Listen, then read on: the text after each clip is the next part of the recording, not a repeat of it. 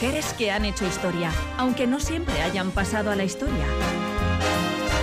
Algunas hoy célebres, otras aún por descubrir. Algunas heroínas, otras villanas, todas singulares. Es tiempo de hacer visible lo invisible. Es tiempo de vivir para contarlas. Cada 2 de abril, coincidiendo con la fecha del nacimiento del escritor danés Hans Christian Andersen, se celebra el Día Internacional del Libro Infantil y Juvenil.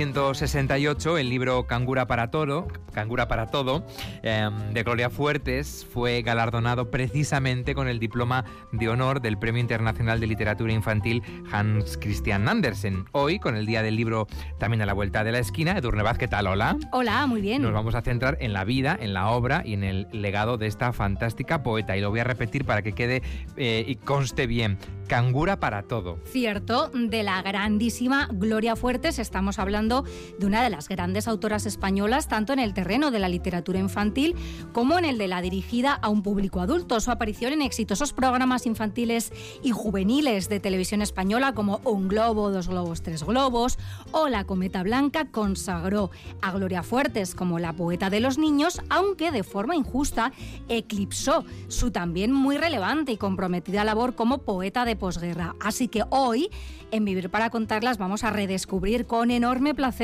a la poliédrica Gloria Fuertes, capaz de decir lo máximo con lo mínimo.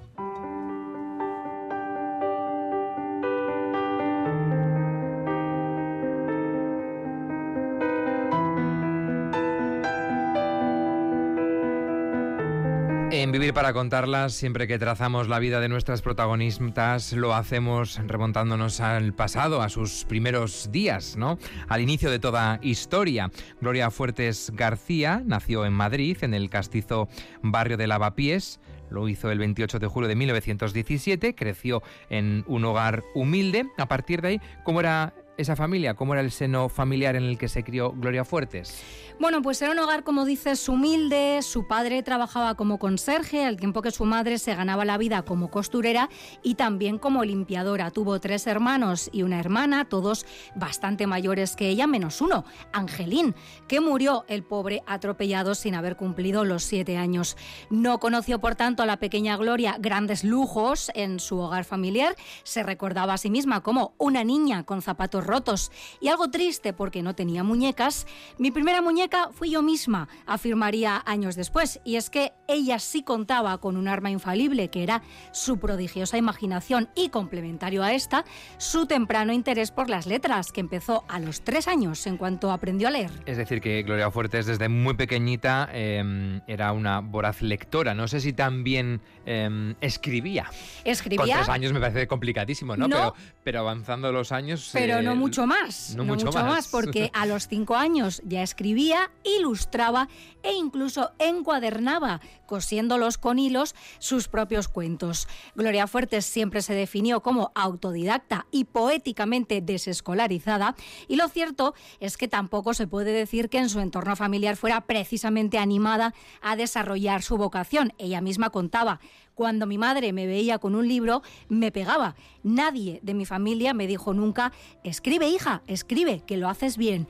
Nadie, no tengo nada que agradecer a mi familia, pero cuando se quiere una cosa, aunque tu familia no te ayude, se consigue. Si vales de verdad y quieres algo con todas tus ganas, sales adelante seguro. Esa es la tenacidad. Bueno, hemos dicho que fue eh, muy prematura y muy temprana a la hora de escribir y de leer, pero por desgracia, Gloria también fue a la fuerza y por desgracia, como decíamos, prematura en otros terrenos. Claro, como tantos niños y niñas de su generación tomó temprano contacto con el trabajo porque la economía familiar así lo exigía y más tras la muerte de su madre que se produjo cuando la escritora tenía solo 15 años.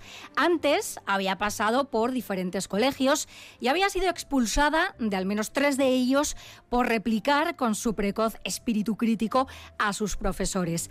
Tras aquellos agitados años escolares y por voluntad de su madre, Gloria fue matriculada en el Instituto de Educación Profesional de la Mujer, donde recibió la formación que entonces se consideraba apropiada y necesaria para una futura ama de casa, es decir, cocina, bordados a mano y a máquina, higiene y filosofía, puericultura, corte y confección. Por si fallaba, que falló lo del casamiento, contaba ella, la que me parió me apuntó también a gramática y literatura, ya que estaba harta de mis mosqueantes aficiones impropias de la hija de un obrero, tales como el atletismo y la poesía. Pero la escritura y la lectura seguían siendo, pese a esa oposición, férrea oposición familiar, su refugio personal, ¿no? Y ahí llega ese primer trabajo que consigue ver la luz. Sí, porque ella consiguió publicar su primer poema de una forma bastante peculiar. Por las noches ayudaba a su madre como limpiadora en la redacción de la revista Lecturas, entonces muy diferente a las lecturas que hoy conocemos, entonces tenía un contenido eminentemente cultural. Una de esas noches dejó un poema suyo titulado Niñez, Juventud, Vejez sobre la mesa del director, quien para orgullo de Gloria, que tenía entonces 14 años, acabó publicándolo, aunque ella pues no vio una peseta, esto también lo contó después, ¿no? Pero tras la muerte de su madre, empezó a trabajar en Talleres Iglesias, que era una fábrica de armamento militar que abastecía de obuses al ejército popular y que durante la guerra sufrió varios bombardeos por parte de aviones franquistas. Ella siguió compaginando siempre sus trabajos alimenticios pues con su verdadera vocación, ¿no? En este caso ella trabajaba como contable, pero seguía escribiendo poemas porque afirmaba, a mí me gustan los cuentos, no las cuentas.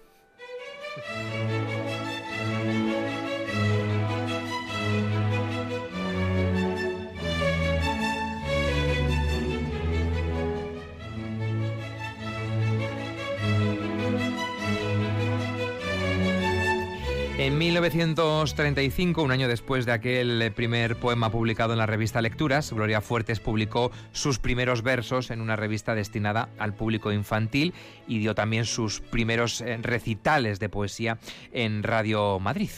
Con apenas 17 años escribió su primer libro de poemas, Isla Ignorada, que eso sí no fue publicado hasta 1950.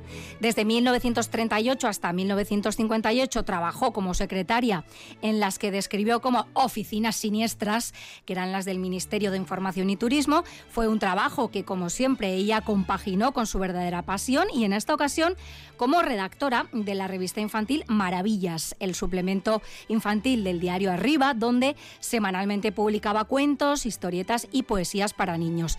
Entre 1940 y 1953 colaboraría asimismo con otras publicaciones infantiles como Chicos, Chicas, Chiquitito o los suplementos infantiles de Flechas y Pelayos y el diario Arriba para el que publicó las historietas de Coletas y de Pelines que alcanzaron una gran popularidad entre el público infantil.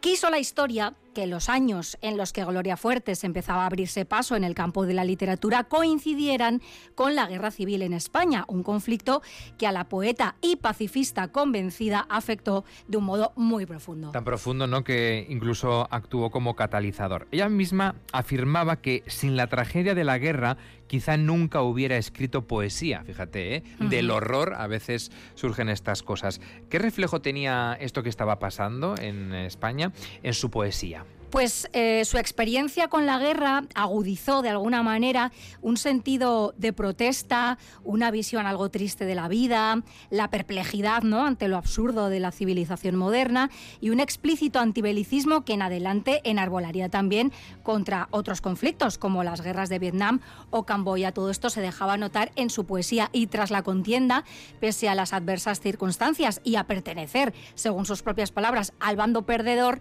ella seguirá actuando siempre como la mujer libre que era, como se recoge en el libro de Gloria Fuertes, Antología de Poemas y Vida, que es un libro editado por Blackie Books y una recomendabilísima manera de acercarse tanto a la vida como a la obra de la poeta.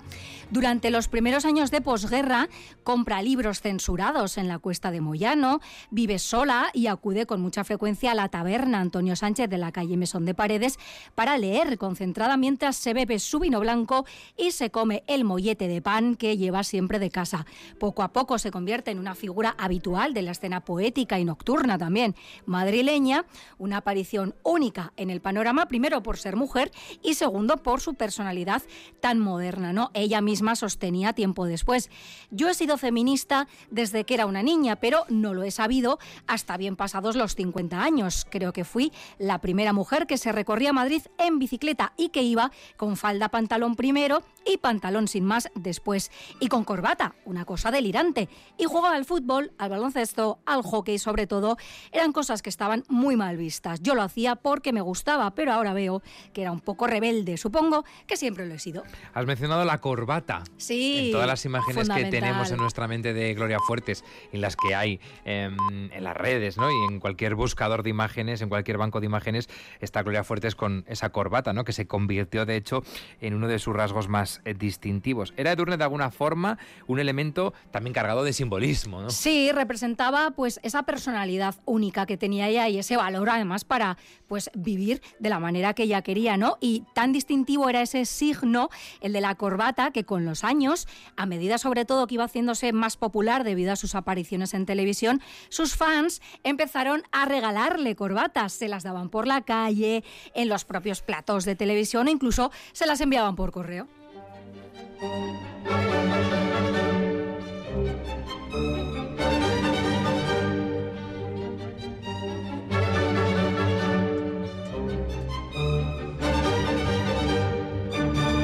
Seguimos avanzando en Vivir para contarlas en la historia de Gloria Fuertes. Nos adentramos en la década de los años 40. Llegó entonces la incursión de Gloria Fuertes en el mundo literario profesional. En el 42 conoció al poeta Carlos Edmundo de Ori, cuando éste envió a la revista en la que ella trabajaba como editora un soneto que la poeta decidió publicar. Por no discurre a partir de aquí em, su obra y también su vida.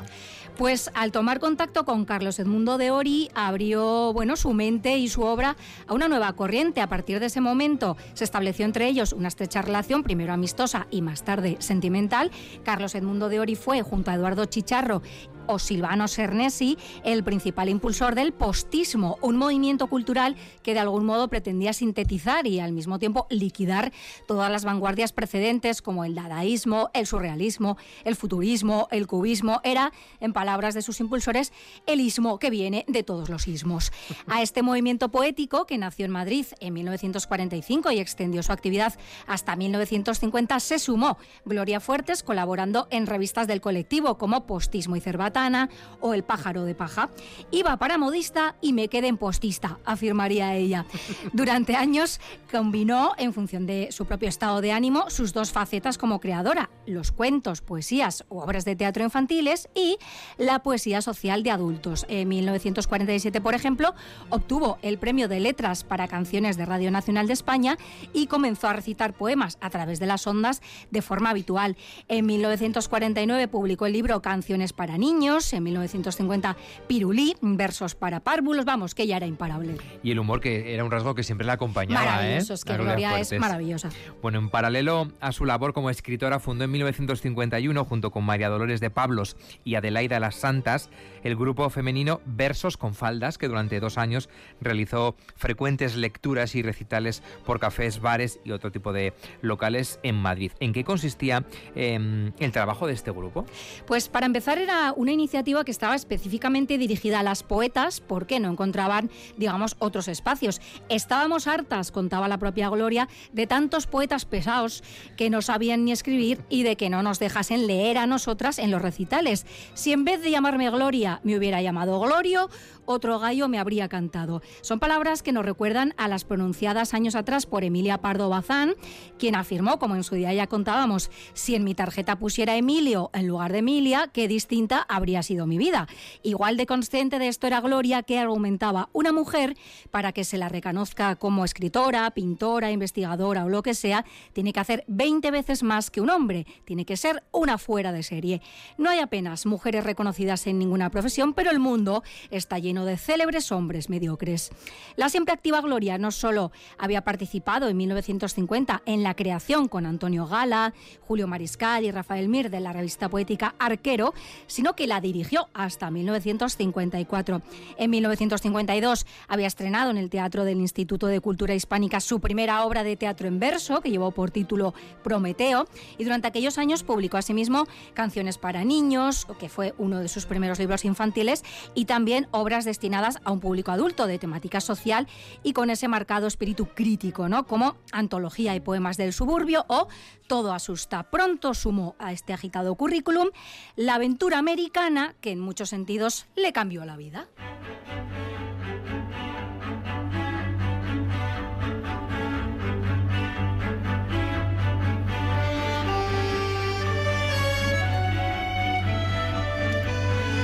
Pues adentrémonos en esa aventura americana, no sé si sueño americano también. Hablamos de 1955 hasta 1960. Gloria Fuertes estudió biblioteconomía e inglés en el Instituto Internacional de Madrid, donde también trabajó como bibliotecaria.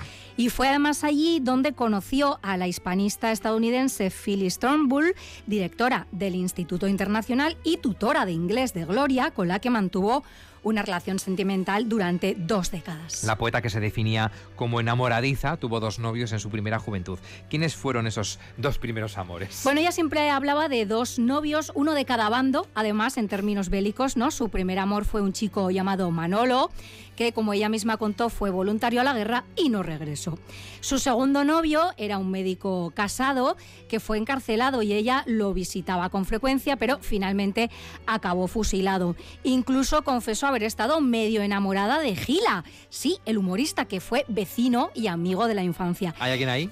Sí, el enemigo que se ponga, ¿no? Así todo ya cerramos el círculo. Y también mantuvo, como antes decíamos, una relación pues con el poeta postista Carlos Edmundo de Ori. Pero si bien Phyllis no fue la única mujer a la que amó, sí que fue Durne indiscutiblemente el gran amor de su vida. Totalmente, no fue la única, ni tampoco la primera, ni la última, pero fue el gran amor de Gloria Fuertes. Lo vivió, por desgracia, pues con la discreción ¿no? que exigía la época, no del todo libre, pero es verdad que ella tampoco lo ocultaba en su círculo personal, ni tampoco entre líneas en su propia obra. ¿no?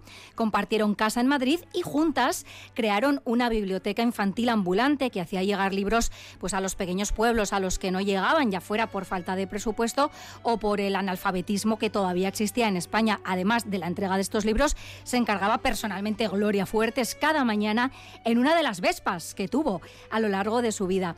Por intermediación de Phyllis, Gloria consiguió una beca Fulbright para trabajar como profesora de literatura española en la Universidad Bucknell en Pensilvania. Y aquella fue la primera vez que entró en una universidad, pero curiosamente no fue para estudiar, sino para impartir clases. Totalmente, y además así fue como se presentó ante sus alumnos, ¿no? Diciendo justamente eso. Durante los tres años que permaneció allí, aprovechó sus vacaciones para viajar por todo Estados Unidos, en la que fue una de las épocas más felices de su vida, de la vida de ambas en realidad, ¿no? Cuando regresó a España en 1963, trabajó como profesora de español para americanos en el Instituto Internacional.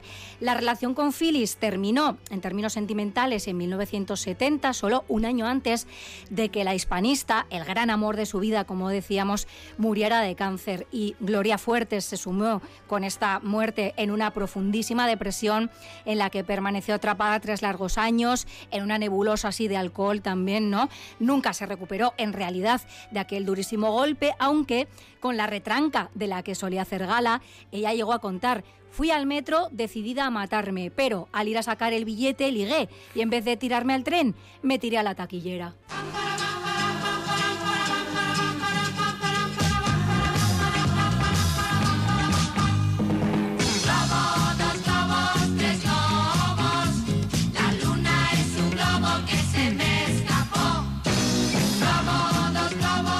Lo dicho, es que el humor era un rasgo, vamos, eh, asociado y mm, permanente en Gloria Fuertes, ¿no? Totalmente. Resumir y hacer este tipo de, declaraciones, pues... Eh, son de una inteligencia pasmosa. ¿eh? Sobre todo porque ella tuvo, bueno, como todos, ¿no? Sus fantasmas, vivió una época complicada, en unas circunstancias complicadas y siempre recurría a la ironía y al humor, era maravillosa. Que es lo que he dicho, una, de una inteligencia admirable.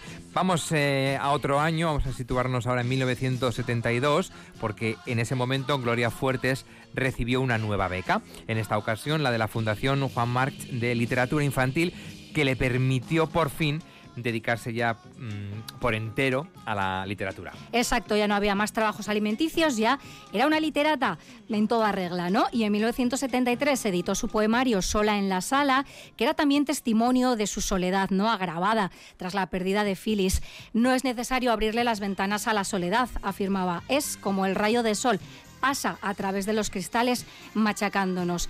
Mientras trataba de gestionar los rigores de esta soledad, Gloria Fuertes inició una nueva y relevante etapa profesional y es que empezó a colaborar en diversos programas infantiles de televisión española, que además como era la única, pues todo el mundo lo, veía, ¿no? Y bueno, los más memorables eran Un globo, dos globos, tres globos o La cometa blanca, que le granjearon una grandísima popularidad como poeta infantil. Un éxito que por desgracia llegaría a eclipsar el resto de su trayectoria. Y es que, a pesar de ser muy apreciada y estudiada en el extranjero, particularmente en Estados Unidos, como poeta fundamental de posguerra, en España es recordada sobre todo y casi en exclusiva como la poeta de los niños. ¿no? Durante la década de los 80, Gloria Fuertes se convirtió efectivamente en una figura muy muy mediática, muy querida por el público y un poco a su pesar muy popular. No le gustaba mucho la fama. No le gustaba demasiado. Eh, los niños literalmente le seguían por la calle, ¿no? Eh, eh, era así. Pero bueno, por suerte, afirmaba ella, lo único que se me sube a la cabeza es la ginebra. Una vez más, grandes frases para enmarcar. Durante aquella época participó en lecturas, recitales y homenajes, además, por supuesto, de aparecer en programas de radio y televisión, concedió un sinfín de entrevistas, visitó colegios, protagonizó pregones, bueno, Gloria Fuertes estaba en todas partes, ¿no? Con esa característica voz moldeada a base de tabaco y whisky y que en su libro 30 formas de quitarse el sombrero, Elvira Lindo describía como ronca, que marcaba mucho las sílabas, como separándolas, herencia sin duda de esa habla un poco chula de los madrileños de barrios populares del centro, ¿no? Esa voz que quedó grabada en la memoria colectiva. Fue incluso, como recordaréis, imitada por Millán Salcedo, ¿no? integrante del mítico dúo humorístico Martes y 13 y al tiempo, por supuesto, ella siguió publicando poesía, tanto infantil como adulta. Colaboró, sin ir más lejos, en las recordadas revistas La Codorniz o Discóbolo.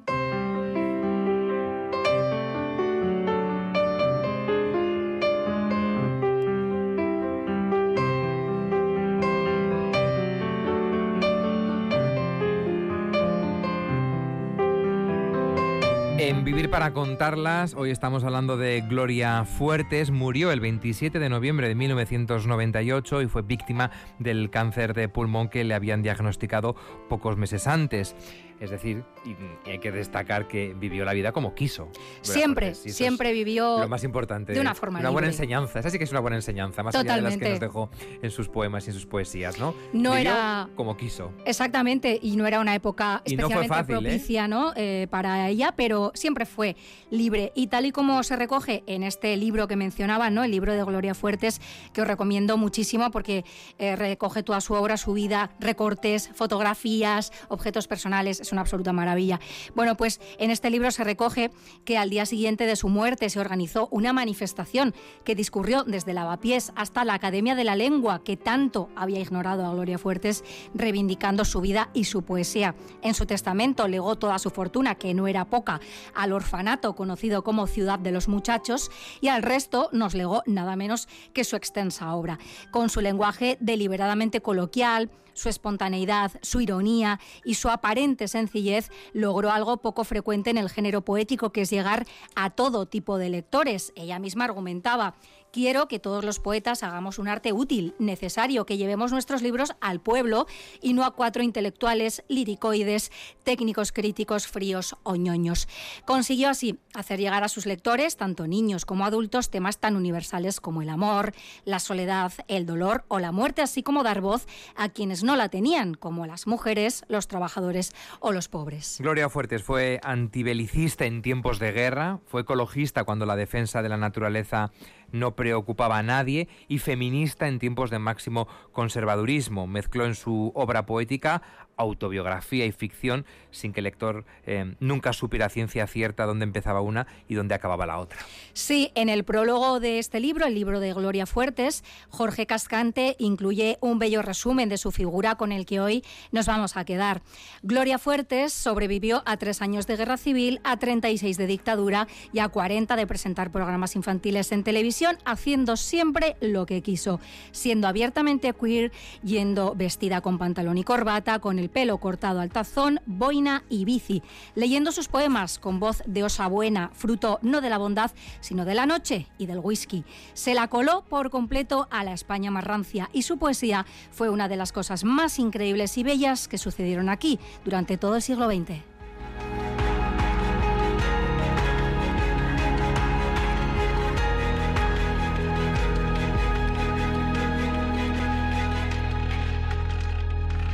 Hoy en Vivir para Contarlas hemos redescubierto, como decías, Edurne, a Gloria Fuertes, capaz de decir lo máximo con lo mínimo. Sí, a la Gloria Fuertes que ya conocíamos bien, la de los niños, y a la Gloria Fuertes de la literatura para adultos, todo lo hacía bien. Es que el casco, Edurne. Eso, regatic, ahora.